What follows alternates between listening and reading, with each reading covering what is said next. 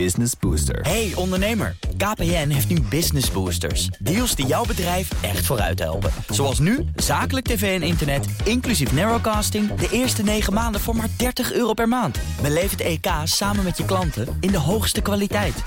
Kijk op kpn.com slash businessbooster. Business Booster. This Houston, contact with a test one. Touchdown confirmed. Hallo allemaal en welkom bij een nieuwe Space Cowboys met Herbert Mijn naam Blankstein. is Herbert Blankstein. Ja. Ja, en En met Michel van Maal. En de spreker is Thijs Roes, de, pre- nou ja, de eh, eh, announcer. de announcer, ja, gewoon Ja, ja. de- toevallig degene die als eerste aan het woord eh, Ja. was. Michel, eh, ik heb, wij hebben met z'n tweeën nog niet eerder in een Space Cowboys gezeten. Nee, dit Dat is toch knap. Dat is toch leuk, hè? Ja, het is toch apart. Toevallig precies vanwege de feestdagen en alles wat erbij kan kijken, invallen. Nou, maar dus leuk. Dus nu Even een, een nieuw drie. Nou ja, eh, en hartstikke leuk. Een nieuw drie gezelschap eh, weer. Ehm, en eh, nou, vandaag hebben we, waar gaan we het allemaal over hebben? Dan met z'n drietjes Maar vandaag. natuurlijk over de lancering van de SN9. Ja, de lancering en weer. En het naar beneden komen daarvan. En het mooi naar beneden, elegant naar beneden storten. ja, Rapid dat- disassembly. Precies, ja, zeker. en Ja, ik denk dat we ook even een beetje vooruit moeten kijken naar de komende weken. Want het wordt een, eh, een interessante mars. eh, eh, er komt een, een, eh, een hele ja, kolonne aan ruimtevaartuigen op dit moment op Mars af. En, eh, en nou ja, vanaf eh, de volgende week gaat er, gaan daar dingen gebeuren. Dus we moeten zeker ook even vooruit kijken. Ja, zeker. Ja. En dan eh, heb ik nog een paar eh, interessante dingetjes uit het eh, wijdere universum. Oh, een, een zes eh, sterren zonnestelsel. Ja, gaan we het uitgebreid over hebben.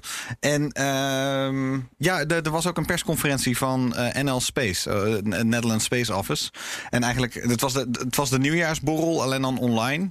En daar kwamen eigenlijk allerlei kleine nieuwtjes uit voort. En het was hartstikke leuk, want daardoor was het ook een soort bloemlezing van wat er in Nederland eigenlijk allemaal Ja. aan de hand is op ruimtevaartgebied. bier meenemen.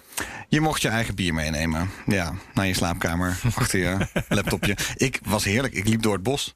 Ik liep door het bos en ik was Met laptop en al? Nee, ik had het op mijn oortjes zitten. Dus Oh, ja. Ze hadden het via Vimeo. Dus ik, moet, kon, ik moest hem aan laten staan. Dus ik had hem weer zo in mijn borstzak. Maar terwijl ik dus dat allemaal aan het luisteren was, zo, kon ik een beetje mijn bos inspecteren. En kijken wat ik dat weekend allemaal ging doen. Dus het was, eh, was te gek. Ja. Nou, daar later eh, meer over. Eerst even SN9. Ja, Hebben jullie het gezien? natuurlijk. Jazeker. Ja. Of natuur. Nee, dat is niet natuurlijk. Bij mij is dat niet natuurlijk. Ik eh, heb voor het eerst zo'n lancering live gezien. Ik heb daar meestal het geduld niet voor. SN8 heb je niet eh, live gezien. Nee, en Falcon Heavy ook niet. Nee, Oh. en, eh, maar ik was deze keer, ik zat toevallig achter mijn laptop en ik eh, kwam er toevallig achter dat het die avond was. En toen ik het aanzette, was het toevallig nog maar een half uur. Nou ja, dus alle sterren, om het maar zo te zeggen, stonden gunstig. En toen heb ik het niet gemist deze keer. Nou, dat is wel goed, want ik zat al een, ma- een maand te wachten ongeveer.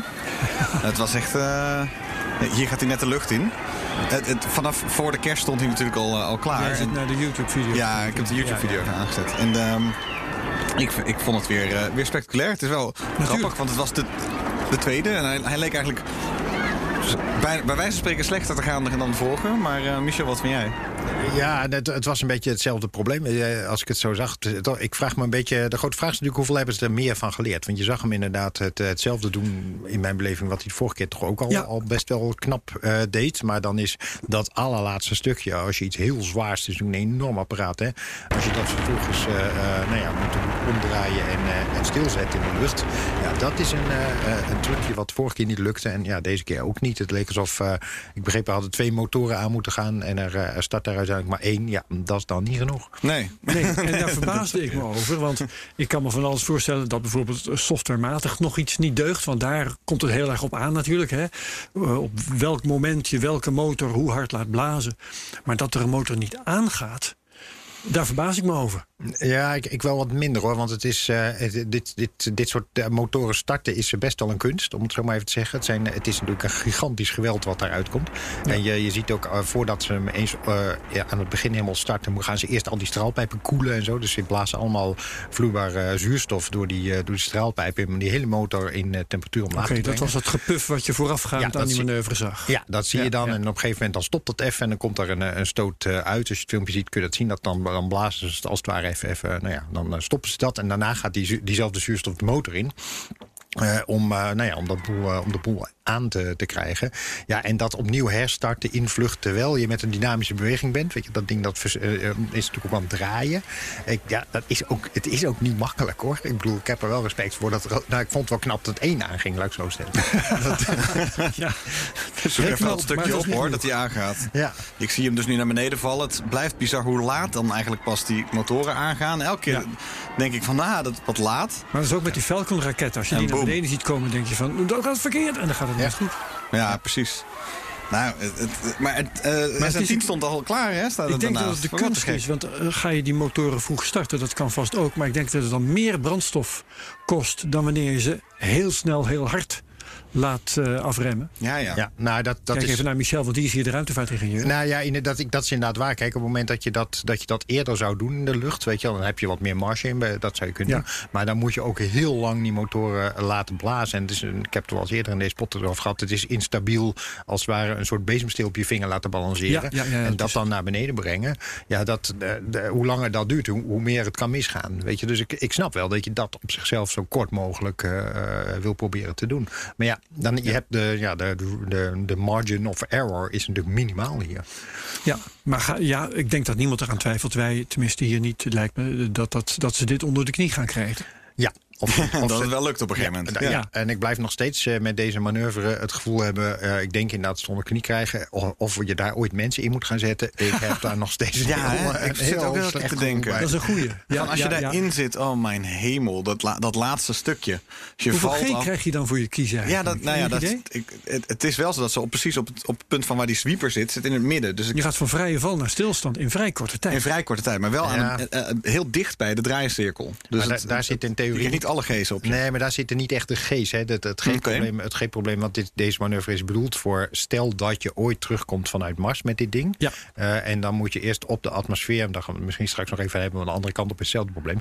Je moet op de atmosfeer moet je snelheid zien kwijt te raken. Ja. Dus je, en daar zitten de echte G's. Weet je wel? Dus, de, ja. De, de, dus de, voor, ook voor een astronaut die naar de ruimte gaat... de ruimte naar de ruimte gaan, nou ja, dat zijn ook wel G's... maar dat is nog redelijk comfortabel. Maar dit zijn, nou ja, ook omdat je in een plasma zit... en enorme hitte om je heen, dit is echt scary. Weet je wel? Dus dat, ik, ik denk als ik daar eenmaal doorheen was, zat, dat laatste stukje... nou ja, weet je, qua G-kracht is dat, dat denk ik niet zoveel meer voor. Ja, ja. De- en je bedoelt dan de G-krachten van de afremming van Ja. eh, de, de snelheid tijdens een ruimtereis. Eh, laten Ja. we zeggen enkele tientallen kilometers per seconde. Ja. Duik je die atmosfeer in. eh, dan ga je naar, wat zal het zijn, een paar honderd meter, kilometer per seconde. Nou, je, moet, je, nee, moet, je gaat eigenlijk van supersonisch naar subsonisch. Hè? Dus je zit boven de, de, de geluidssnelheid, zie je het probleem. Dan ga je Dus naar zit- honderden meters per seconde. Ja, ja, het is rond de duizend kilometer Dus je gaat van uur, ja. tientallen kilometers per seconde naar bijna niks eigenlijk. Dus, Ja, je moet het grootste Heftig. deel moet je, moet je met wrijving op de atmosfeer zien kwijtraken. Ja, en ja. komt heel veel maar dat kan over een vrij lange tijd worden uitgesmeerd. Dus dan denk ik, hm, of Nou, niet zoveel tijd. Nee, de atmosfeer ja, is dat- dun, hè? Nee, ja, dat, 100 nou, dat, is, dat is nog niet het probleem. Maar de, de hoek is enorm belangrijk waarmee je binnenkomt. Dus als je te snel naar binnen komt, dan Ja. kom je te, te snel in diepe, in, je. dichte luchtlagen. En dan, dan, eh, dan hou je het niet meer, dan verbrand je gewoon volledig. Als je te weinig, te, te vlak die atmosfeer in komt, dan catch je af. Dus dan stuit hij als het ware als een steentje op die atmosfeer af. Wat trouwens ook wel soms wordt gebruikt. Ik meen bij de re-entry van die laatste ehm, eh, hoe heet het, stof eh, die ze van de komeet hadden opgehaald. Ja, van Ryugu of zo. Ja, die een van die twee die, die Hayabusa. gebruikte dat systeem ook. Weet je, even opketst, van dan ben je, raak je ook snelheid Maar kwijt. dat zou in dit geval misschien ook kunnen, want het is een beetje als een surfer. Ja. Als een surfer die als het ware dan net zo langzaam, la- hij, hij ketst erop en hij surft er een tijdje op, tot je langzaam genoeg gaat en dan als het ware dieper de atmosfeer in gaat. Ja, maar toch zou ik er met dat soort snelheden niet heel graag in zitten. Nee, want daar gaat het uiteindelijk wel om natuurlijk. Ja. Ja, ja, nou ja, dat, dat Maar- is dan de, de vraag natuurlijk of het daar uiteindelijk echt om gaat. Maar Daar heb ik, er eh, komt ook een maanlander van. Hè? Dus de, de SpaceX is ook in de, in de running om voor Artemis de, de maanlander te ontwikkelen. En dat moet ook Starship zijn. En daar is geen atmosfeer op de maan. Dus hoe gaat het dan? Nou, je hebt ook minder zwaartekracht. Dus eh, Mhm. misschien een iets, iets minder groot afremprobleem. Nou, het landen op de maan is veel makkelijker dan landen op een, een planeet met een atmosfeer. Hè. Landen op de maan staat bekend als, als nou dat is natuurlijk ook een uitdaging, maar is echt makkelijker dan landen op Mars. Of bijvoorbeeld wat we natuurlijk ook ooit gedaan hebben, landen op, in Titan, wat een nog veel dichtere atmosfeer Ja. heeft. Of Venus. Weet je, la- landen in een dergelijke atmosfeer is veel eh, lastiger. Oh, wacht even. We gaan het straks vast, vast nog over landen op Mars hebben. Nou ja, Ehm, pak het er maar bij. Pak het er maar bij. Ehm, ik dacht dat een atmosfeer een luxe was bij het landen, omdat je iets hebt om je af te remmen. Want we gaan straks Ja, eh, de, ook, die, ja. die eh, hoe heet dat ding ook weer? Eh, niet Prosperity, maar Perseverance. Perseverance, ja. Die gaat landen en dat wordt weer zo'n drietrapslanding. Ja. Met eerst iets met parachutes en dan nog iets Nou, anders. nee, laatst parachutes graag. Laatste parachute? Ja, ja, nee, Oké, eerst atmosfeer. Eerst atmosfeer afremmen, ja. Dan parachutes, dan, dan- een raketmotor nog eens een keertje. En dan een En dan een takel, viertrapsraket. en dat is omdat je die remming van de atmosfeer maar zo weinig hebt. Dan moet je andere dingen van stal halen. Eh, dus dat is niet een probleem, maar een luxe als die atmosfeer er is. Nou ja, dat is, is absoluut een luxe hoor. Eh, dat heb je helemaal gelijk in, want het is een cadeautje. Weet je. je kan eigenlijk gratis, zonder dat je de brandstof voor mee moet nemen, kun je, kun je gratis eh, Ja. je snelheid kwijtraken. Het probleem is alleen wel, weet je, dat het vaak een heel erg nauw paadje is waar je overheen Ja. moet. Weet je. Als het niet goed gaat, dan zijn de gevolgen ook meteen. Want je wilt niet smelten. Nee, en dat, dus je hebt vaak heel precies, je moet sowieso heel goed kunnen mikken. Weet je, dat je over in een, in een, eh, de koers die je moet voeren moet heel erg precies zijn.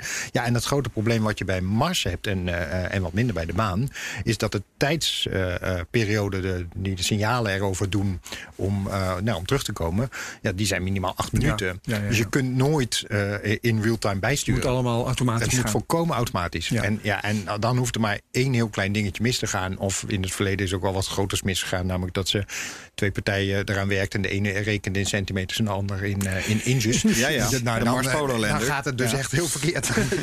Maar Ja. ehm, Thijs had het over, eh, eh, even kijken. Maan? La- nee, nee, nee, ja, precies, landen op de maan met, met Starship. Maar Starship moet ook kunnen landen op Mars. ja. Eh, ik dacht Ja. dat die manoeuvre, dat je in horizontale stand naar beneden zakt, valt eigenlijk, dat die was om af te remmen. Dat kun je op Mars gevoeglijk vergeten, want die atmosfeer is, wat is het, tien keer zo dun of nog honderd keer zo dun? Nee, nee, dat kan wel degelijk hoor. Ah, niet, Nee, vergeten, maar dan moet je dus, dan moet je Ja, dus ja, een- je gaat, je gaat ook heel vlak door die atmosfeer. Ja, ik ben Ja. met mijn hand bezig, dat ziet de luisteraar niet. Maar je gaat heel vlak door die atmosfeer in. Dus je, je schiet als het ware eh, eh, door, door, eh, door, de, door die atmosfeer heen. Ja. En je kunt in die, nou dat duurt best lang eigenlijk, in die periode rem je af. Ja. Totdat je het punt hebt bereikt dat je, eh, nou ja, dat je, dat je eh, eh, kan, kan vliegen met het ding. Weet je, want dat is niet voor niks vlucht. Een klein beetje mee bijsturen. Vliegende baksteen, maar toch, je kan een beetje vliegen. Je wel, ja. Ja, en, eh, en dan, daar kun je dan nog mee zorgen dat je weer terugkomt op het juiste punt. Nou, en dan moet die raketmotor aan om zachtjes te landen. Nou, het is knap als het zo ooit lukt. Ja. Eh, maar de, Maar het je, kan dus, wel. je kan dus afremmen op de, het soort else, stuk van de atmosfeer dan. Ja, absoluut. Je moet ook dat is niet verbrand. Dat is het probleem. Je hebt echt een hitteschild nodig. En ja, de, dat, dat, dat komt nog. Hè. De, vanaf SN15, ehm, ja, de, de, Elon Musk heeft gezegd... vanaf dat moment is het een ander soort Starship dat getest gaat worden. Ehm, er komt een grote verbouwing aan, maar wat dat dan precies is, is nog niet helemaal duidelijk. Maar eh, een van de mogelijke theorieën is dus bijvoorbeeld met hitteschild... om te kijken of dan dus met hitteschild het beter eh, gaat. Ja. Ja, dus het is, dat, is nog, eh, dat wordt nog ontwikkeld. Dus wat dat betreft is nog kijken hoe dat er echt uiteindelijk uitkomt te zien. Wat ik me nog afvroeg, want dan kan ik, kunnen we ook een mooi bruggetje maken naar, die, eh, naar eigenlijk alles wat er op Mars aankomt. Ik heb nog een vraag over die Starships hoor. Maar, Oh, oké. Dus, dus Nou ja, ik- wacht even met je bruggetje. Ik, ik- nou ja, ik ben benieuwd. Ik ben benieuwd we, we mixen het gewoon lekker allemaal door elkaar. Ja. Ik ben, ben gewoon benieuwd. Je komt daar aan bij Mars. Wordt er dan altijd op het laatste moment nog bijgestuurd om dus die atmosfeer op de juiste manier te pakken? Nee, absoluut. Je hebt altijd, eh, op het moment dat je onderweg bent, heb je gedurende de, de vlucht, dat duurt een paar maanden, heb je altijd nog een paar eh, koerscorrectiemomenten. Weet je, want je, het is, je moet echt, nou ja, weet je, als, als, als je hier zou moeten een dubbeltje zeg maar, tegen de torenspits van eh, Groningen moet gooien, zeg Ja. maar. Dus je, je hebt een aantal koerscorrectiemomenten onderweg. En ook op het laatste moment, op de laatste ja. dag, heb je vaak nog een soort fine-tuning. Dat je heel precies op dat glijpad zit wat je nodig hebt. Ja. En dan is het vervolgens e- helemaal dus ja, automatisch. Moet het Ja. vol automatisch moet het ding zich naar beneden Nou, werken. zou ik eigenlijk op basis van wat je net zei, een beetje hak op de tak, maar goed, eh, eh, van net zei over de maan, weet je, dat, dat Ja. eh, het zou mij uiteindelijk niet verbazen hoor, dat ze kiezen voor, een, voor het te terugbrengen van mensen met een capsule zoals Dragon. Eh, weet je, dat, eh, want ja, die is voor landen namelijk veel veiliger en veel robuuster. Weet je, dat is een, het is een relatief kleine capsule met een relatief klein hitteschild en een parachute. Weet je, kan eigenlijk niks mee misgaan. Eh, en dat ze, die, dat ze zo'n Starship-ding gaan gebruiken voor het vervoeren van vracht. Dat is ook handig als hij terugkomt, kun je nog een keer gebruiken. Ja, ja. Maar, Maar- of ze daar echt mensen op gaan zetten, als puntje bij paard komt, dat is een goed verhaal. Maar ik, ik, denk- ik denk Ja, ja, nou ja, dat, het, is, het is wel het idee, hè? Het is het idee zelfs dat je dan terug zou kunnen. Als je het niet leuk vindt op Mars, dan mag je dus terug ook. Mag je dus op de, de terugweg, mag je het Starship Dan weer in. neem je gewoon een Starship van 10 uur en Ja. ja. ben je zo klaar. Ja, dat is de maan, ja. Nee, ik geloof er helemaal niks van. Maar goed, Ja, nee, eh, ja, de, kwestie, ik, ik, ik geloof er zeker wel in. Want het, het is een dan, beetje zo van, eh, dat is het plan. Een ander plan is er nog niet. Dus het is zo van, ja, of je gelooft er niet in dat het, dat het ze lukt of zo. Maar in principe is dit het plan, dus dit plan wordt, wordt nu uitgevoerd. Volgens mij de eerste mijlpaal is meer de landing op de maan, omdat die gewoon eerder gepland staat. Dus het zou best wel kunnen dat over twee jaar er een Starship naar de Mars gaat zonder mensen.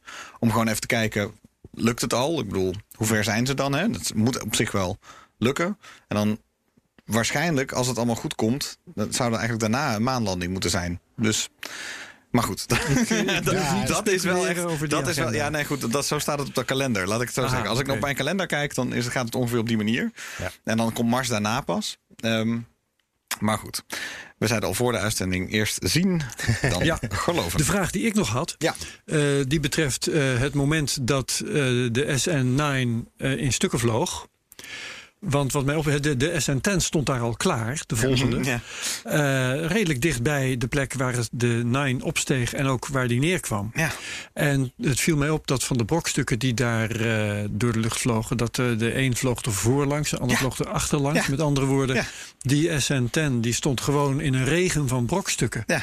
Eh, ik weet niet of jullie er nog eentje tegen het ding zelf hebben zien stuiteren. Nee, niks. Maar nee, dat dat viel me op. Nee, Moeten we niet. vanuit gaan dat hij daar tegen kan? Oh wat? Ja, ik- ja, goede vraag. Nee, daar kan hij zeker niet tegen, denk ik. Eerlijk Nee. Eraan wat er Eh, tegenaan komt. hè, Ja, maar- en hoe hard. Ja. Maar, eh, maar goed, je, dat langs je raakt vloog. wel aan een interessant punt hoor. Want eh, de, er is ook al een tijdje gedoe tussen, tussen SpaceX en de, de FAA. Ja, dat is waar ook. Ja, daar hebben we er Ja. niet over gehad, nee. Nee, en dat, eh, nou laten we die gelijk even meenemen. Want dat, eh, dat is wel een interessante, vooral omdat het niet helemaal duidelijk is wat nou het probleem is.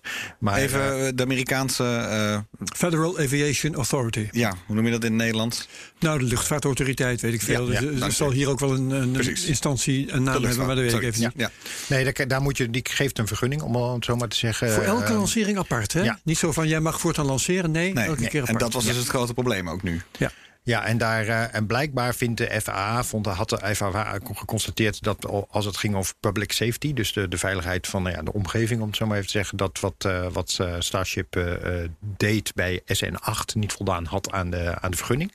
Eh, maar ze vertellen niet wat het is. En ik moet wel zeggen, als ik er naar kijk, kan ik me het ook wel een beetje voorstellen, weet je, want die, kijk, dat ding dat gaat omhoog, weet je, en Ja. da- daarna dan gaat hij Naar 10 kilometer. naar 10 kilometer. En daarna gaat hij omlaag. En het is, nou ja, nogmaals, het is toch een beetje een vliegende baksteen. Ja, als dat niet goed gaat, je, eh, waar vliegt dat ding dan heen? Weet Ja, je, nu ja. ontploft hij wel netjes op de plek waar hij moet, nou, had moeten landen, zeg maar. Maar, Maar als je ja, op 10 kilometer stuurloos wordt, Ja. dan zijn alle opties open. Maar toch lijkt dat, eh, die vinnetjes, dat lijken ze echt, dat was, lijkt bijna niet eens een probleem te zijn geweest. Van, Nee, maar als je al 10 vanaf het- kilometer neerkomt en je bent voortreffelijk. stuurloos, dan kun je toch in een straal van nou, 2, 3 kilometer kun je Ja, neerkomen. maar het, lijkt- het lijkt wel alsof Ja. zij in ieder geval al zeggen van nou stuurloos is hij niet, want we kunnen met die vinnetjes al gewoon richting zee sturen. Ja, ah, ja, En, eh, ja, maar je, ja. ja. ja, in de ruimtevaart heb je toch altijd geleerd dat je rekening moet houden dat dat niet werkt. Weet je, dat, Ja, ja. Daar, kan ook iets afbreken. Weet je, als één van die vinnetjes ergens iets in afbreekt, dan ben je meteen echt heel erg stuurloos. En dat, Hij eh, ging wel weet- recht, hij ging recht, hij ging recht naar boven. Ja. Ja, maar toch. Weet je, die, er kunnen rare trouwens, was En hoor. ook dat kan misgaan. Je kunt niet recht naar boven gaan. Ja, daar dat kom je dan neer. Nou, Ja, Nou ja, ja, altijd zo natuurlijk. Ja, nou is het ook altijd wel daar zo. woont er daar niemand. Ze hebben het hele dorp uitgekocht. Ja, nou ja, Behalve Boca. Chica Girl, die woont er nog steeds. Nou ja, maar dat is dus. We weten niet waar het zit. We zitten nu te speculeren. Maar, eh, eh, maar dit is natuurlijk niet vrij van risico's. Kijk, het is bij, overigens bij lanceringen. En ik, ik verwacht ook hoor. dat dat bij deze lancering ook wel zo is. Die, normaal gesproken hebben die dingen een kill switch. Dus op het moment dat jij ziet. eh, sterker nog, weet van Ariane Ik was ooit een half jaar woonde ik in Kourou. Bij Ariane lancering heb je een apart kamertje. Dus in de safety officer. Die heeft de opblaasknop. Weet je, dan kun je, kan niemand tegen praten. Dus je mag die niemand niet te niet beïnvloeden, om het zo maar te zeggen.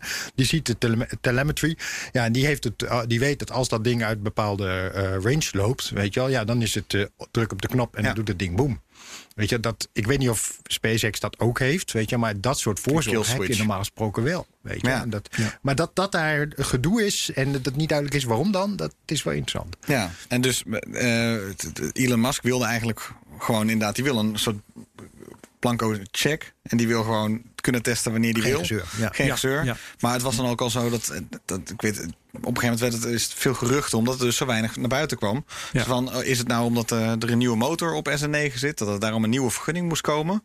Dat, eh, eh, ja, dat, dat, dat, zijn- dat is zo eigenlijk bureaucratisch dat eh, SpaceX dat niet gewend is. Maar Ja. ik, ik, wel wat betreft die SN10 die ernaast staat, je- als je ernaar kijkt, heb je toch het idee dat die gewoon meegenomen had kunnen worden in Ja, deze explosie. Dat, natuurlijk. Ja, ja, dat Want zou je eh, ja, eh, 50 meter schat ik die afstand Ja. eh, mis. En was gewoon bovenop dat ding gevallen. Er dwarrelde ook nog een of ander stuk ijzer naar beneden daarna. Ik weet niet wat Ja, voor staal dat ik- was. Volgens mij kwam er iets af, zelfs op het moment dat die draaide en dat die motor niet eh, aanging. Toen, dat, toen er, leek er iets los te schieten. Oh, ja. Dus nou ja, daar was zullen vast nog eens komende tijd nog wel bekijken. horen wat. eh, We zetten wat een was. video waar dit allemaal in staat natuurlijk op, eh, Ja. in de show notes. Ja, Ik vind, over, als ik er toch nog iets over mag zeggen, ik vind Ja? het wel een belangrijk onderwerp. Hoor, omdat die, dat die FAA er is natuurlijk wel zeker met al die techmiljardairs die zich nu aan het bemoeien zijn met dit- deze wereld. Is En die het allemaal helemaal niet van regeltjes houden. Nee, het, het is wel, ik vind het wel belangrijk weet je, dat, er, eh, dat je vanuit overheidswegen naar de veiligheid van dit soort dingen want, eh, kijkt. Want ze gaan straks ook aan eh, eh, rijke mensen zeg maar, vluchten verkopen. Mhm. ja, en dan,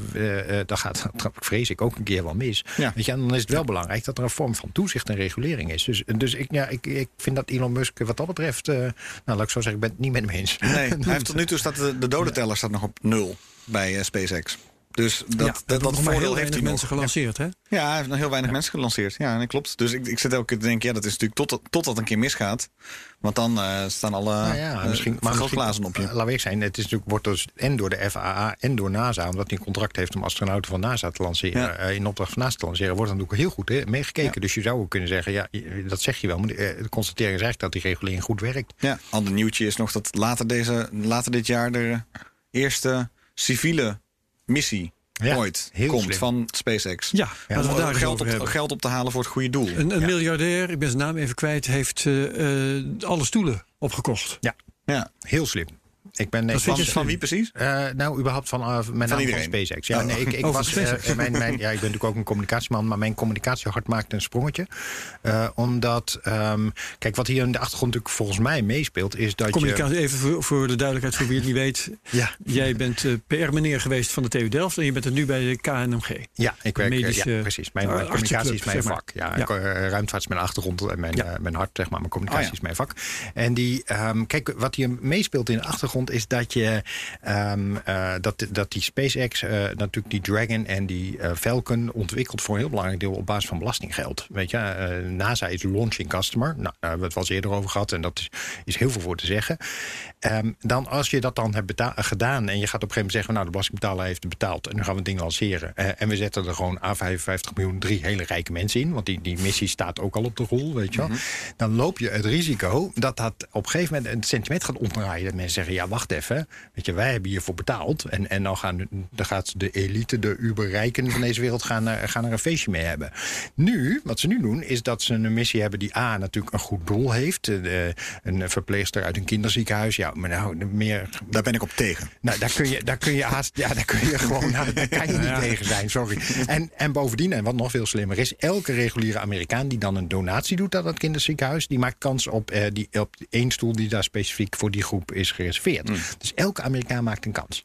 En Ja, daarmee. ja, dat is het. ik- Minimaal 10 dollar moet je doneren. Ja, nou ja, dat, ik weet dat trouwens kan je niet, wel. kunnen wij, dat krijgen wij, heb je het altijd meegekregen, maken wij ook een kans? Mogen wij ook? Dat, eh, Niet. Ik of het internationaal is opengesteld. Wij, eh, we weten eh, je kunt het proberen door gewoon die donatie te doen. Maar wat ik daarover wil zeggen, misschien een beetje omineus, maar de laatste keer dat zoiets werd geprobeerd was met eh, eh, in 1986. Ja, jij weet Ja, het al, hè? ja, Wat ik Eh, gezegd Ga nou de gelijk. Challenger erbij halen? 19 ja, natuurlijk. Ja.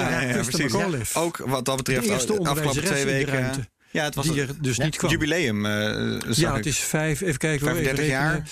35 jaar geleden. Ja, of 35 zoiets. jaar geleden was het. Ja. Eh, Op, Ja. Ik weet niet waarom dat 35 spe- specifiek zo bijzonder was, maar Nou ja, ik kreeg het van, meerdere, ja, van meerdere kanten kreeg ik het. eh, Nee, maar je hebt gelijk, daar had ik me eigenlijk nog niet eens bij stilstaan, maar dat is natuurlijk Ja. ook het risico, ja, absoluut. En we hadden het over het risico. de ramp, want er ging een, een onderwijzeres eh, me- mee naar boven en het hele, het hele land keek mee en zag Als hoe het een ze opliep. beroepsastronaut is, dan weet je natuurlijk dat die heel erg doordrongen zijn van het risico. Ja, en Ehm, het maar- legde ook trouwens het hele ruimtevaartprogramma De plat reden dat toen in elk geval één gewoon mens werd meegestuurd met die Challenger, was dat eh, men was gaan denken, en de gewone mensen dachten dat zeker, dat het eh, best wel heel erg veilig was. Wat dus niet zo bleek te zijn. ja. Dus dat is een beetje was- problematisch. Daar was de Space Shuttle natuurlijk ook wel op dezelfde manier zat achter de Space Shuttle dezelfde gedachte die bij Musk nu ook terugziet. Weet je, de- van heel erg veel van dat soort lanceringen doen. Weet je, Space Shuttle was on- was ontworpen om, weet ik, geloof elke week Ja, een lancering mee te kunnen Ja, doen. nou, nooit dat was gehaald. een waanidee. Maar daar, daar was ook het, maar daar was het hele businessmodel als het ware ook op Ja, ja.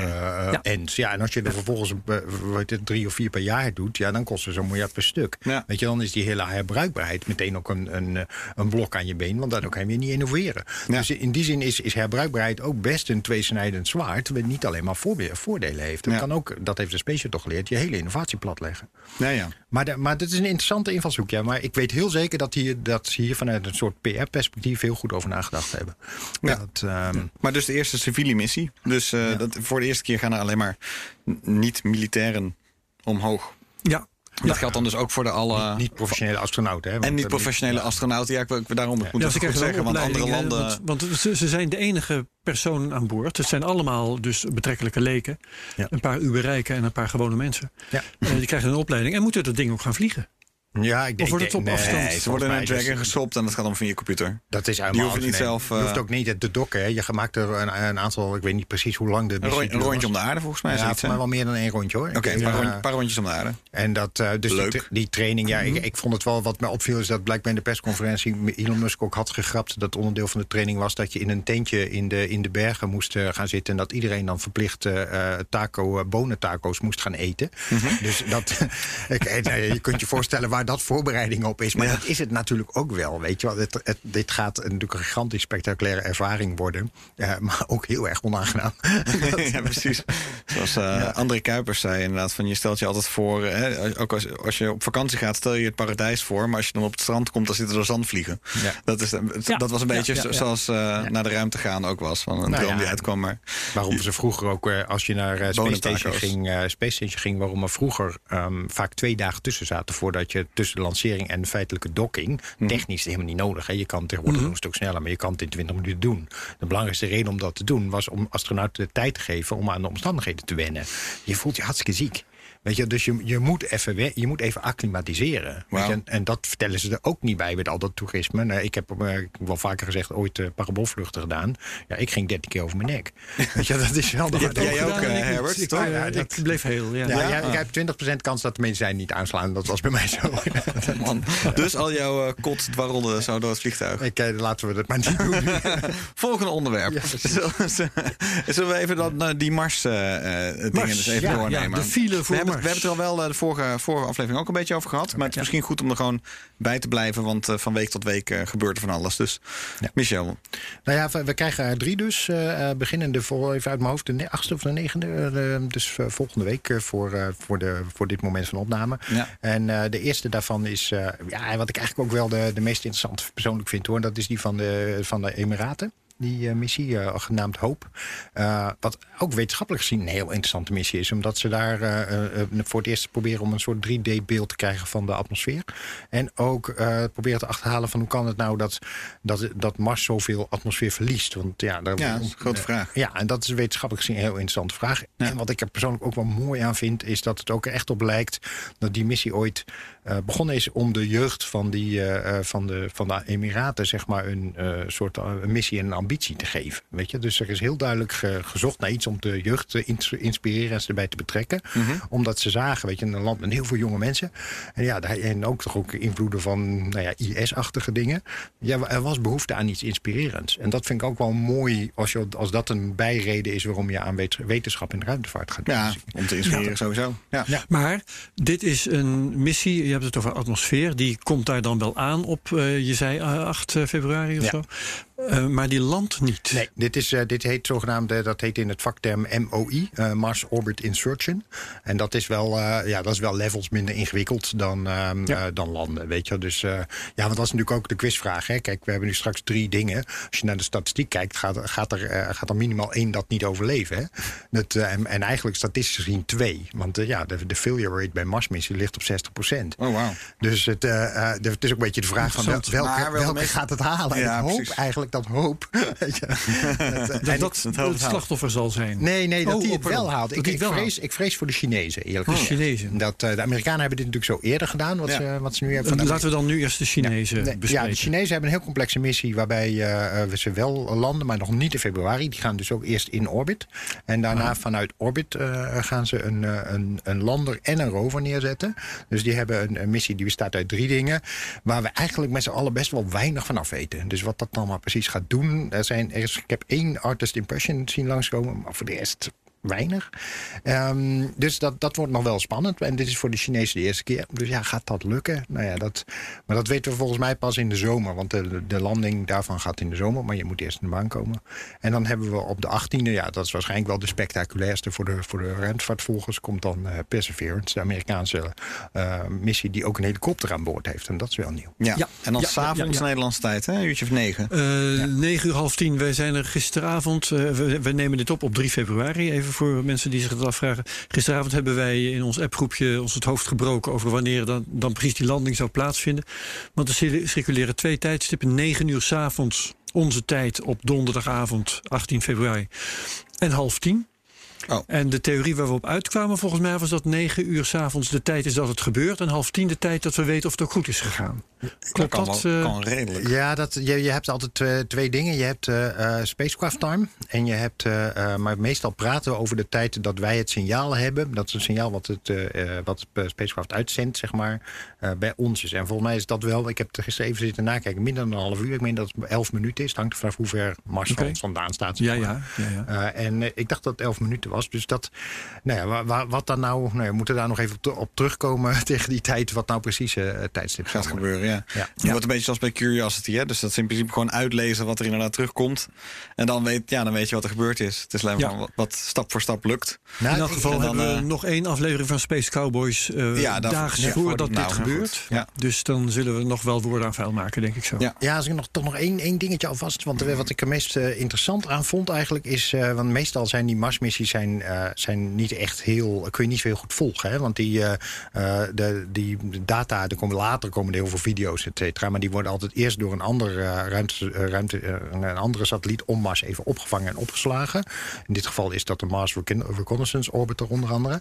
En die worden daarna doorgestuurd naar, naar de aarde. Dus je hebt Ja. eigenlijk heel beperkte informatie. Gaat het nou wel goed? Er is geen live video, even Nee. afgezien van die vertraging, maar er is geen videoverbinding waarmee Nee. je ziet hoe die landing in zijn werk gaat. Nee, eigenlijk kijk je vooral naar de Doppler van het, van het draagsignaal. Weet je wel, waaraan je kunt zien wat de snelheid van het ding is. Doppler-effect. Ja, die moet op de juiste manier moet die afnemen. En als dat te Ja. snel gaat, dan is het niet goed. Weet je, wel, dat is eigenlijk eh, de, eh, de belangrijkste die je hebt. En een heleboel telemetriesignalen die ook wel direct doorkomen. Maar deze keer, en daarom, daarom vind ik hem toch wel interessant... Gaat die, eh, gaan ze MRO wel gebruiken voor een soort real-time doorgeven van data. Dus ze hebben volgens mij een soort stand waarbij die kijkt, doorgeeft, kijkt, doorgeeft elke vijf seconden. Waardoor, je, wa- waardoor deze, nou ja, deze landing best eens anders kan zijn dan we gewend zijn als eh, kijkers. Dus ik ben wel heel benieuwd. Ja, ja, ja.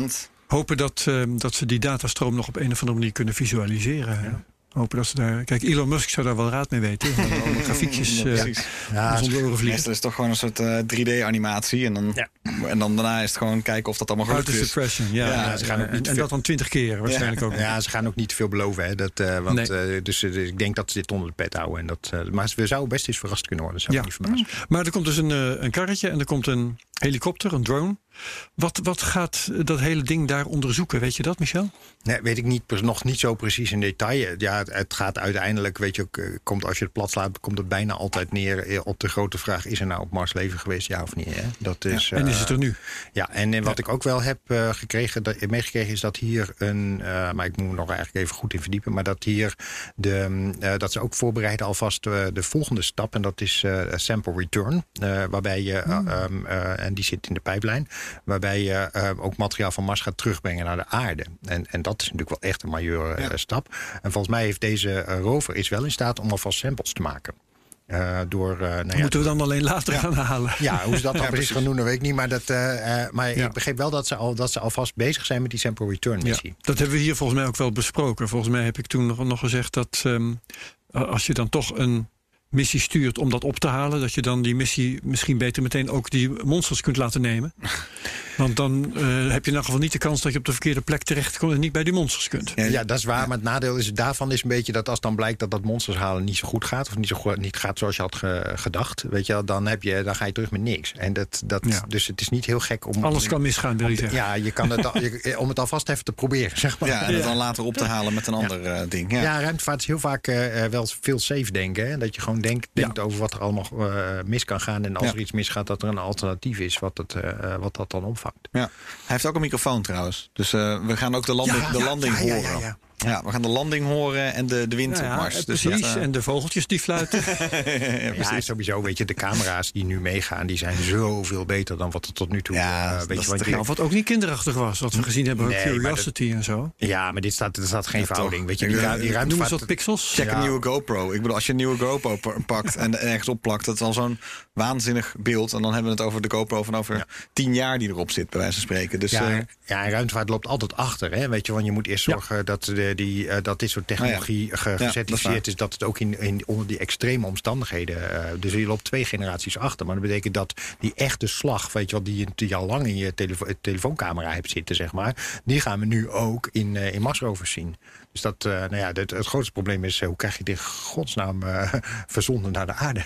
Weet je, dit soort data. Ja, ja, ja, precies. Dat, Dat, eh, zijn, daar heb je een behoorlijke bandbreedte voor nodig. Oh, en en hele heel veel tijd. compressie.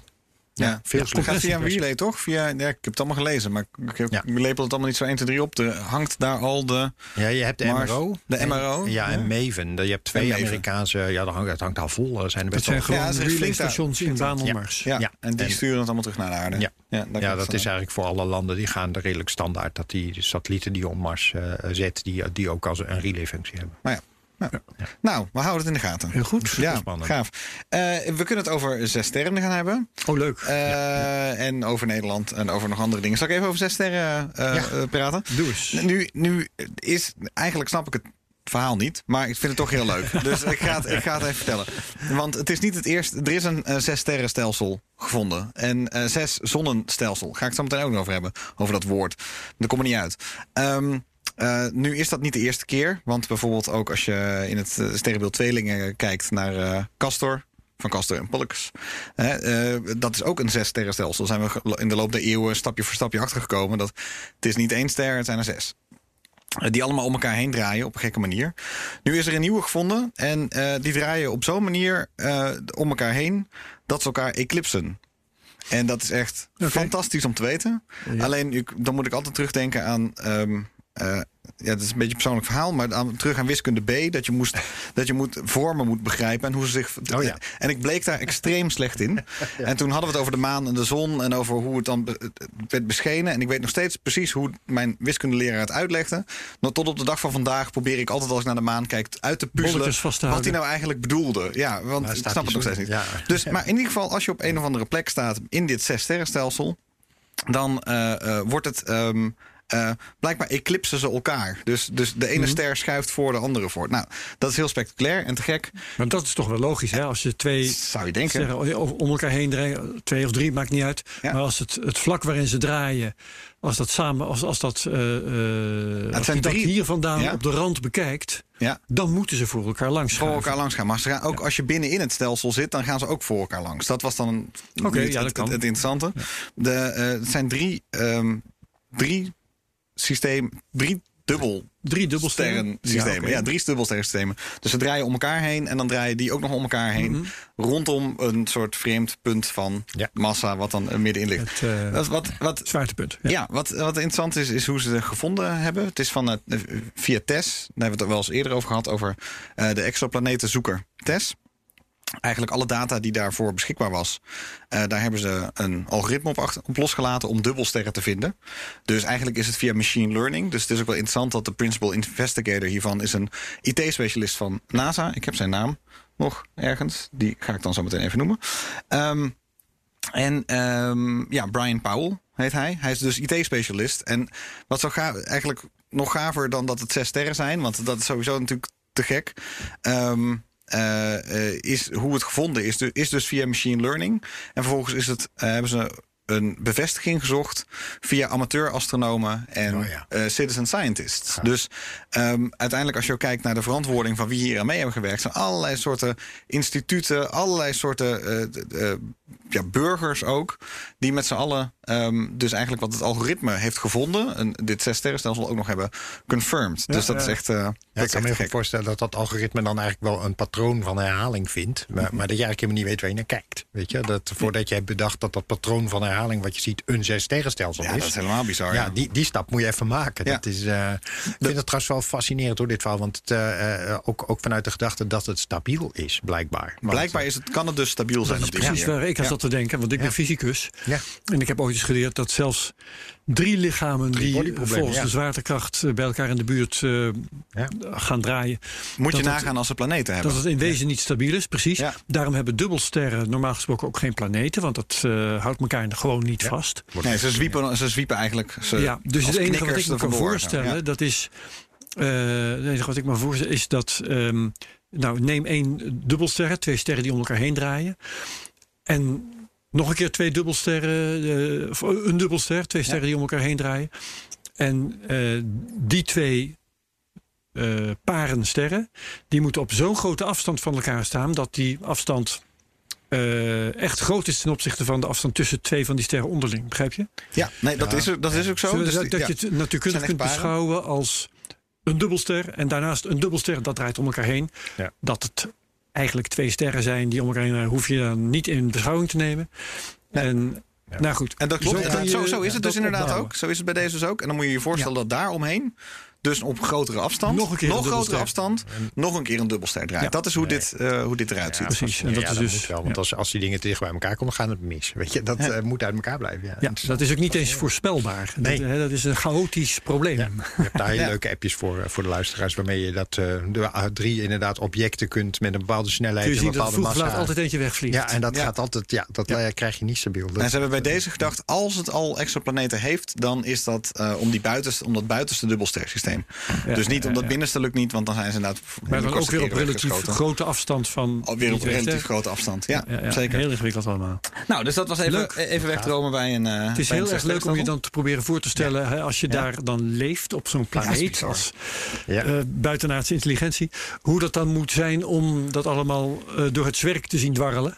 Ja, als je geen dag en omdat nacht hebt op die manier. toch vrij groot zijn, zal het misschien niet eens zichtbaar zijn als hé, hey, daar, gaat, daar gaat de zoveelste zon vandaag. Ja. Ja, Dat is het zijn kleintjes het zijn grote. Ik vond het apart, want het, eh, het artikel van de New York Times dat het hierover had, sprak dus over een nacht. Eh, dan dacht ik, ja, als je zes zonnen hebt, wanneer is het dan nacht? Wanneer Nou, het dan om, dan is het nacht. Kijk, er is er maar eh, waarschijnlijk in zo'n geval één of twee op een zodanig korte afstand dat je ze als zon beschouwt. Ja, ja. En de rest staat op zo'n grote afstand dat ze niet eens opvallen tussen de sterren die echt Zou- ver weg zou je denken? Ja, dat denk ik. Nou ja, zo klein zijn ze dan toch. Ja. Hmm. Ja, nee, kan natuurlijk. Je praat dan over eh, diverse. eh, even kijken. Eh, ja, diverse stralen van het zonnestelsel. Dus de diverse kerende afstand naar Pluto. Nou, pre- precies. Wow. Want ik vergelijk maar inderdaad, als je even terugdenkt aan foto's van, eh, eh, van eh, New Horizon, weet je wel, van, Ja. van het zonnestelsel gezien vanaf Pluto. Ja, Ja, dan, Voyager, dan, ja. dan stelt, dan stelt de zon natuurlijk ook niet zoveel meer voor je. Het is niet iets helder als stipje, maar het is inderdaad niet meer. Je Ja, ervaart ga maar het blasé doen over Op de zon. Pluto valt Ja. de zon nauwelijks meer op aan de hemel. Ja, Klopt. Ja, ja. Ja. Dus dan klopt Man. dat wel, ja. Daarom lijken, we ook zo, daarom lijken we ook zo ontzettend oninteressant van buitenaf. Gelukkig. Ja. Ja, Of we aliens zijn. Ik bedoel, al- al- Ja. als er aliens zouden zijn. ik- Het lijkt erop dat we veel, on- veel te oninteressant zijn om bezocht te worden door aliens. Dus Wees maar blij. precies. Dat misschien ook. Eh, even door naar eh, de eh, nieuwjaarsborrel van eh, Oh ja. eh, ja, Space, NL ja. Space. NL ja, Space, NL ja. Space, ja. Ik moet ook altijd even voor nadenken. En dan eh, eh, in de show notes eh, even een verwijzing naar hun YouTube-kanaal... waar het dan dus weer het Netherlands Space Office heet. Want daar staan een paar fragmenten van deze online nieuwjaarsborrel. En het is leuk om terug te kijken. Alleen ze hebben niet alles erop staan. Maar er waren wel een paar hoogtepunten. Ehm, een van de, de nieuwtjes die ze noemden was dat de campus in Noordwijk enorm wordt uitgebreid tot NL Space Campus. Dus daar was natuurlijk al een campus voor wat start-ups. Ja. En ehm, eh, eigenlijk, ja, daar heb je Aztec. Je hebt de, eh, de, de Space Experience, hoe heet die ook alweer? Space Expo. Space Expo, dankjewel. En dan daarnaast de Space Campus, waar dus ook samengewerkt gaat worden met alle verschillende partijen om daar ook talent naartoe te halen. Volgens mij komt er zelfs eh, van de TU Delft nog een, Ja. een dependance bij. Nou, ze, ze willen daar inderdaad ook meer, ehm, eh, meer met onderwijs, hoger onderwijs dan gaan Ja. doen. En dat uh, omdat je daar natuurlijk bij, uh, bij Estec uh, komen ook heel vaak, nou ja, toch wel heel, heel uh, interessante mensen langs. Weet je, er komen natuurlijk veel wetenschappers uit het buitenland en dergelijke. En dan is daar was de gedachte van ja, als die mensen dan komen, hoe kun je dan dat ook gebruiken om, om dat, die internationalisering van het onderwijs vorm te geven? Nou, Ja. dat vind ik wel een heel boeiende gedachte. Ja, absoluut. En je ziet ook dat het wat dat betreft een booming is daar. Het is misschien een promopraatje voor een Nederlandse space, maar dat is allemaal hartstikke goed. Want een paar jaar geleden, als je daar ging kijken, dan gebeurde er gewoon nog niet zoveel. Toen is op een gegeven moment daar toch die Space Campus eh, begonnen om dat te stimuleren. En dan zie je dat het uitgebreid wordt.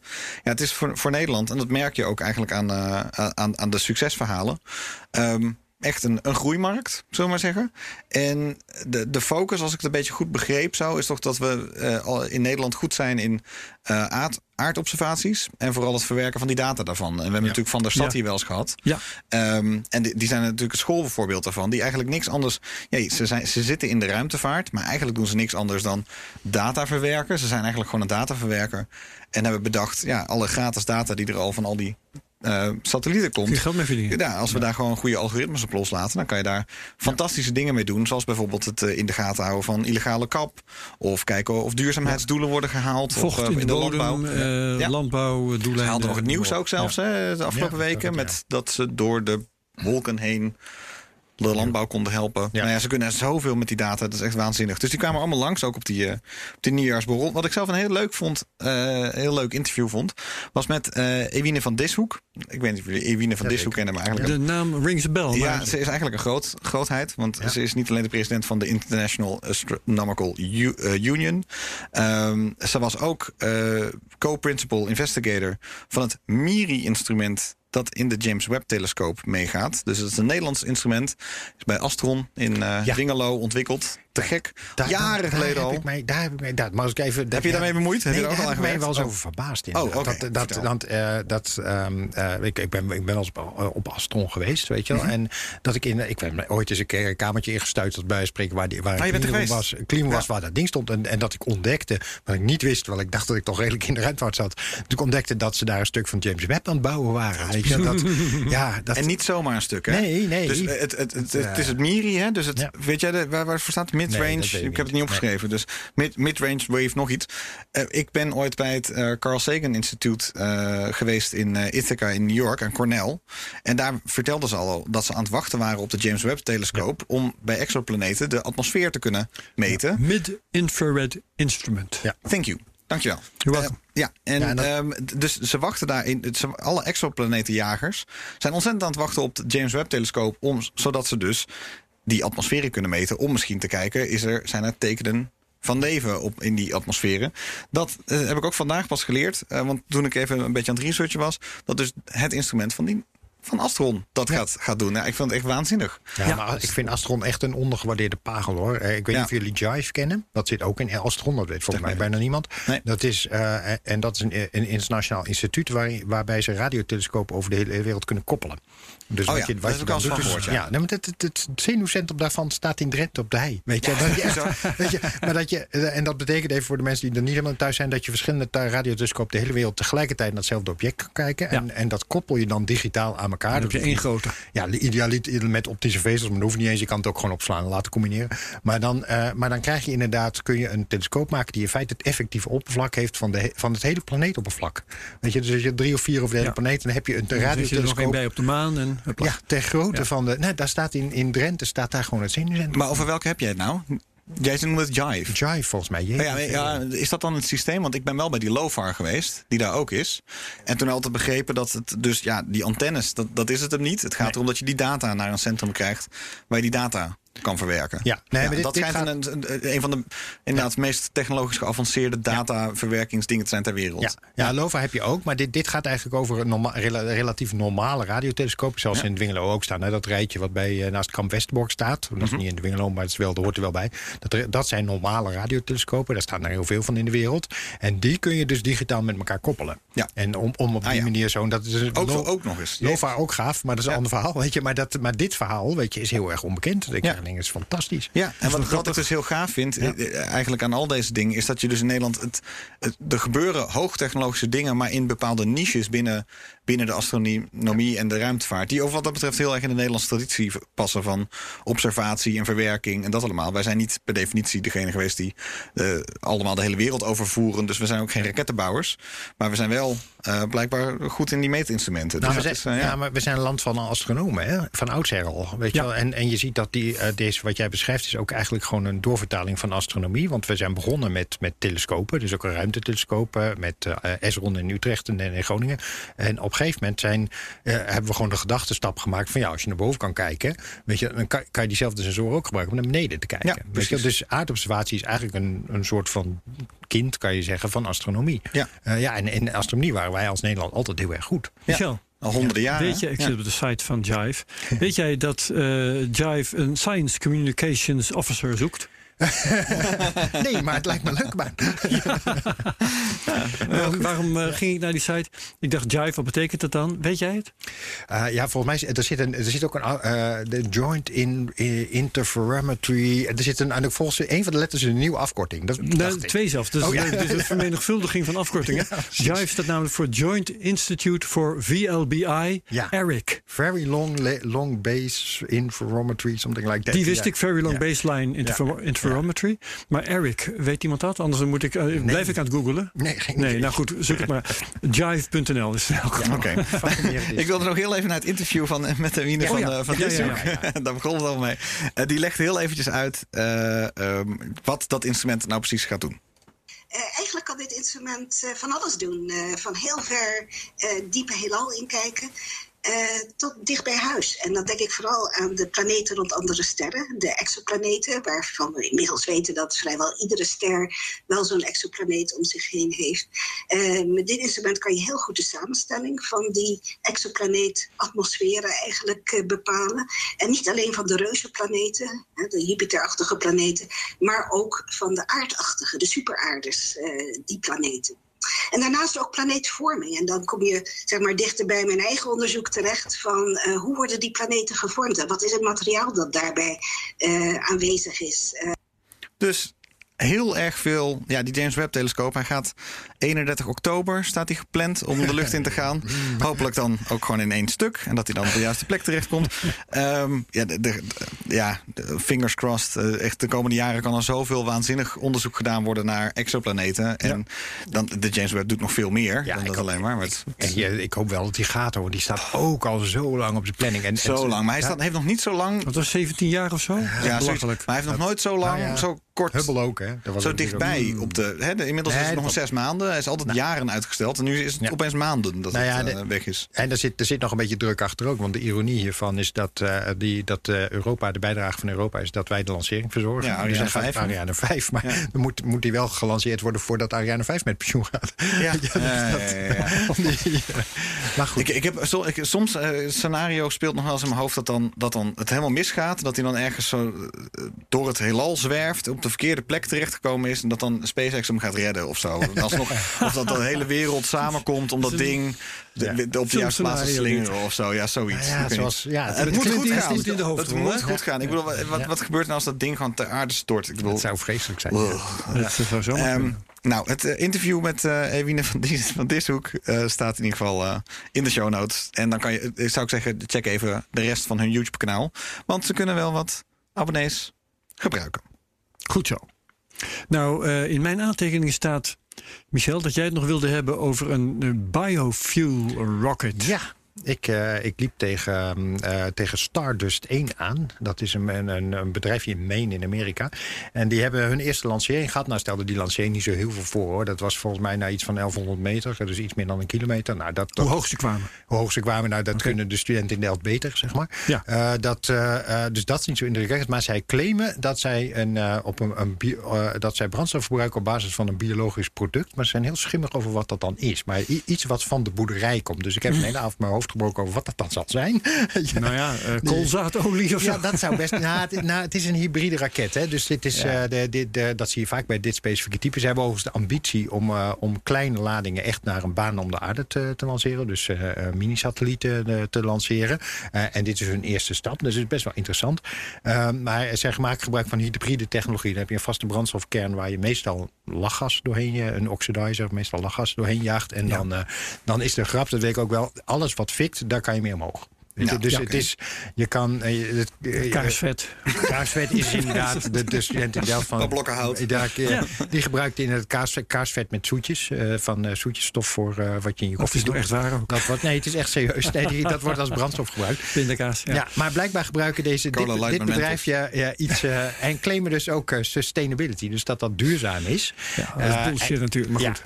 Ja, biofuel fuel ben, geloof ik nooit helemaal in. Want die cir- cirkel is zo kort. Van, van, eh, Ja. Nou, van, van brandstof tot dat je er iets mee kan. Tot weer, weer Ja, verbranden. het is ook een beetje onzin eerlijk gezegd. Want als je, je kunt namelijk heel goed duurzaam eh, lanceren. Weet je wel? Oh? Eh, ja, dat is geen enkel probleem. Ja, ik, maak me, er- ik, ik heb er nog over getweet. Ik ben het, Nee. die methaan eh, Ja. van, eh, van Starship. Dat is echt jammer. Ja, is- dan- die, gaat gewoon op, op, op gas, omdat je dat overal in het universum kan vinden. Dat is het idee.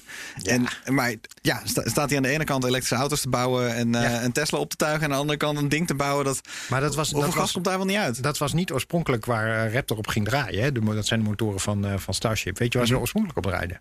Eh, de- liquid- eh, waterstof? Waterstof, zuurstof. Ja, dat was Ja. het idee, toch? Ja, en waterstof en zuurstof kun je natuurlijk super duurzaam maken. ja.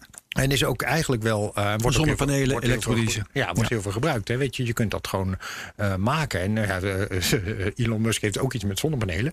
Weet je, dus de- daar ligt een gemiste kans eigenlijk. En het is ook wel een beetje zorgelijk. Want als je heel veel gaat lanceren, dat is SpaceX natuurlijk wel aan het doen. We zijn het volume enorm aan het opjagen. Ja, je, een, één raket is ongeveer drie- anderhalf keer heen en weer naar New York met een Boeing. Hè, qua hoeveelheid kerosine die er nu in de Falcon zit. Ja. Dat hadden ze dus kunnen, veel groener kunnen maken. Eh, en heeft ook het voordeel dat die, die, die Boeing, die, die zit op 10 kilometer. Weet je, daar weten we wat het effect van is. Is niet fijn. Maar zo'n raket, weet je, gaat, stoot die, eh, die gas op veel hogere, eh, in veel, veel hogere luchtlagen uit. En eigenlijk weten we helemaal niet wat dat doet met het klimaat. Dus als ze dat nou gewoon met waterstof en zuurstof hadden gedaan. En dus als restproduct water. Weet je, dat was wel echt, had ik wel een stuk fijner gevonden. Maar ja. ja. Nou ja, je, kan, je kan methaan ook op een duurzame manier produceren.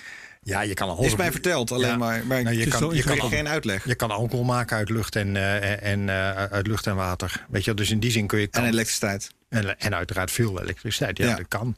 Dus je kan ook eh, in principe alles maken. Maar het, ja, het is toch goedkoper om het uit de grond te halen. Ja. Helaas. Nee, dat- het- wat was het nou ook alweer? Want, ehm hoe heet die man van, die, van de Mars, eh Mars Society ook weer? Rubin, Jubin? Oeh, die ben ik even Arno? kwijt. Mars Society? Nee, Oh, van de ik Mars, van, het. van, Mars Society. Van de Mars Society. Ja. Eh, Rubin, of sorry. Die had tegen Elon Musk verteld dat er iets van... ehm, wat was het nou? Iets van zes stadions grote eh, zonnepanelenvelden moesten komen. Hè, dus een zonnepanelenveld op Mars van ongeveer zes stadions groot. Om dus de methaan te kunnen eh, maken. Ja. En toen had Elon, Robert Zubrin. Zubrin, die had dat Ja. gezegd. En toen had Elon Musk gezegd, oké, nou ja, dan gaan we dat doen. Ja, je kan, maar je had ook kunnen bedenken van, eh dus nu water heb je op Mars, weet je, op de Polen heb je gewoon water. Weet je, dus je kunt, eh, kun je dat dan niet gewoon eh, splitsen en, en terug op waterstof? Ja, maar op de Polen wil je niet wonen. Dat was dan Nee. weer het. Hè, daar wil je niet landen en je, je, je eerste miljoenenstad bouwen. Daar geloof ik sowieso niks van. Dat, Nee, er moet een stad van 1 miljoen mensen komen. Ja, right. Ja, Yeah, right. ja. Precies. Nou ja, zelfsustaining. Hij, hij, 1 miljoen mensen is om zelfsustaining te maken. En ik vraag me ook af, ja. heb je ook Kijk, water nodig trouwens? Ja, precies. Ik, ben, ik, ik denk dat men al blij is als er een soort Antarctica-basis eh, zou zijn. Dan uh, dat, dat is al een hele Als prestatie. je, Dus- als je daar de, de benodigde negen maanden kunt overleven, vind ik het ook heel knap. De negen maanden voordat je weer Ja. gillend terug wil. ja, gillend terug wel. Ja, precies. Nou ja, ergens in een grot wonen in, op Mars. Hè, waar water is. Een soort IJsland. Ik weet niet. Ja. Ondergronds inderdaad. Wandstraling. Ja, ja, precies. Ja, zou maar kunnen. Ehm, maar bi- biofuel. Ja, nee, het- ik vind het wel, maar ik vind het wel belangrijk dat het daarmee wel op de kaart wordt gezet. Weet je, dit Ja. is allemaal nog heel klein. Ik vind duurzaamheid heel belangrijk. Maar biofuel vind ik altijd, is toch altijd van ja, oké, ja, het is geen permanente oplossing. Want je moet namelijk ook uit, je moet als het ware eerst uitstoten. Of als het ware eerst als afval maken. kappen om die biofuel van. te verbouwen. Precies, dus het is, zo'n, zo'n, zo'n, het is een klein restprobleem. Het is li- liever iets dat je op het allerlaatste moment in je keten pas oplost. In plaats van aan het begin van, van, van het maar op- toch, ja, met, met lijnzaadolie kun je in het komen. Weet je, nou ja, Nee, natuurlijk. Ja, tuurlijk. tuurlijk. Ja. maar wat was het ook weer? Hoeveel, hoeveel mais gaat er wel niet aan ethanol op voor in de... In de Ja. Het is, eh, wordt significant ten opzichte van de Precies. voedselproductie. Ja, precies. Dus, Ja. Nee, goed. Ja. Nou, eh, maar fijn. oh, eh, toch, dankjewel voor dit verhaal. en dan Herbert, als, als, ik weet niet, had jij nog Ja, ik had nog één ding. huishoudelijke mededelingen? als, als tot slot van intussen al meer dan een uur Space Nee, Cowboys, geloof ik. Nee, nee, nee, nee, nee, nee, nee. Nou, ik had nog één kijktip. Oh, dat is leuk. Altijd leuk. Want ik kwam een, eh, echt een ja, hartverwarmende film tegen. Als je dat eh, na, na een uur, als we dat wel halen straks, eh, Space Cowboys nog aan kunt. ehm, dan kun je via de show notes komen op een video van een baan om de maan.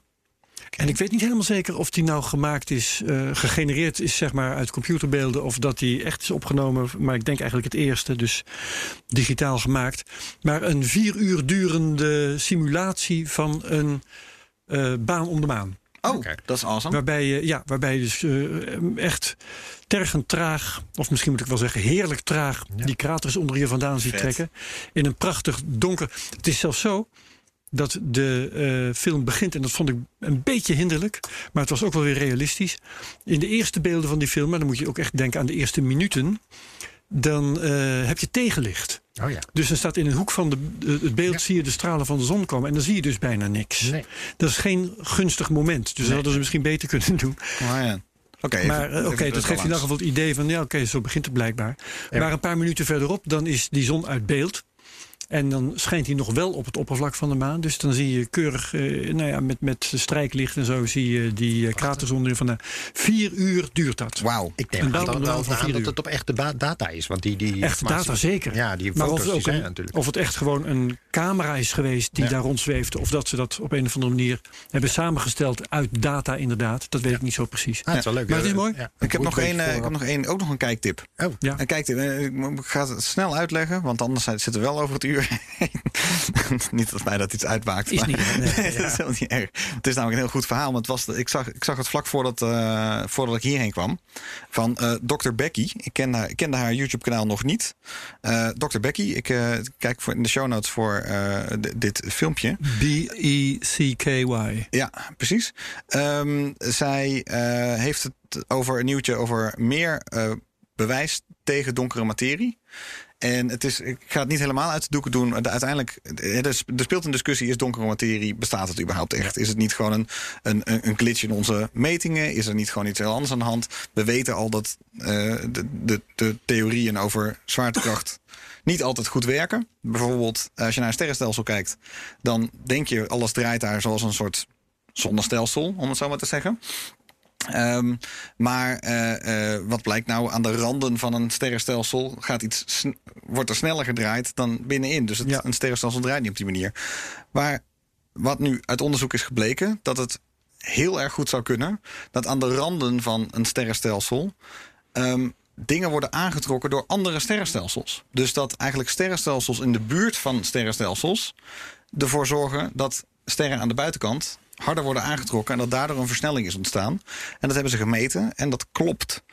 Dat betekent niet dat al het andere onderzoek meteen uit, hè, eh, overboord kan. Want ook hier kan natuurlijk weer iets aan de hand zijn. En de sample was 137 of zo eh, eh, sterrenstelsels. En je zou het natuurlijk gewoon met een duizend keer meer sample willen doen. Maar het is super interessant. Dus staat in de show notes. En ik ben nog een heel ding vergeten. En dat is een prachtig om mee af te sluiten. Eh, ik kom namelijk het woord zonnen- of zonnestelsel. Hebben we het al eh, honderd keer eh, vandaag over gehad. Ja. En de Nederlandse grammatica klopt niet meer met onze bevindingen. Of de, maar er zit daar iets. Er zit daar een groot probleem. Want wat is de Nederlandse spellingregel voor iets, weet ik veel, paardenbak?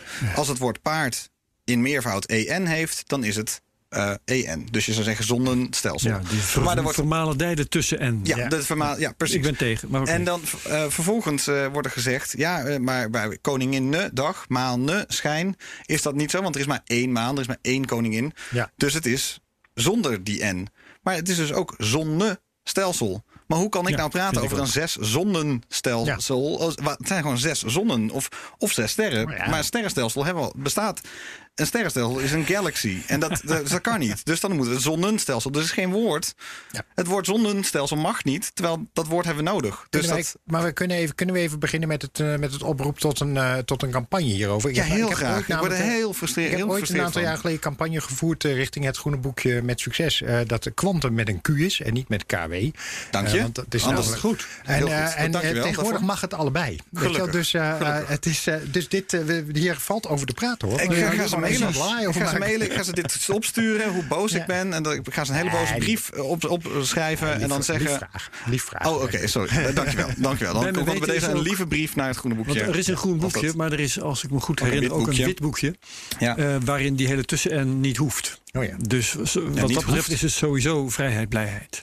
Nou, gelukkig Dus- maar. Ik, ja. ik, ik schrijf het is ook in de show notes. staat zonnenstelsel. Willen, Dan weet u het wij willen erkenning voor het woord zonnestelsel. Zonnestelsel. Uh, I'm, I- I'm with you. Gelukkig. nou, dan was dit de 62e Space Cowboys. Fijn zo. Ja. Dankjewel Thijs. Dat is mooi. Thijs Roes. En Dankjewel Herbert Blank- van Baal. En Herbert Blankenstein. Eh, ja, you're welcome. Nogmaals. Zeer bedankt.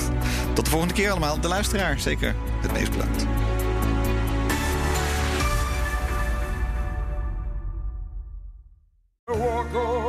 Hardlopen, dat is goed voor je. En Nationale Nederlanden helpt je daar graag bij. Bijvoorbeeld met onze digitale NN Running Coach... die antwoord geeft op al je hardloopvragen. Dus, kom ook in beweging. Onze support heb je. Kijk op nn.nl slash hardlopen.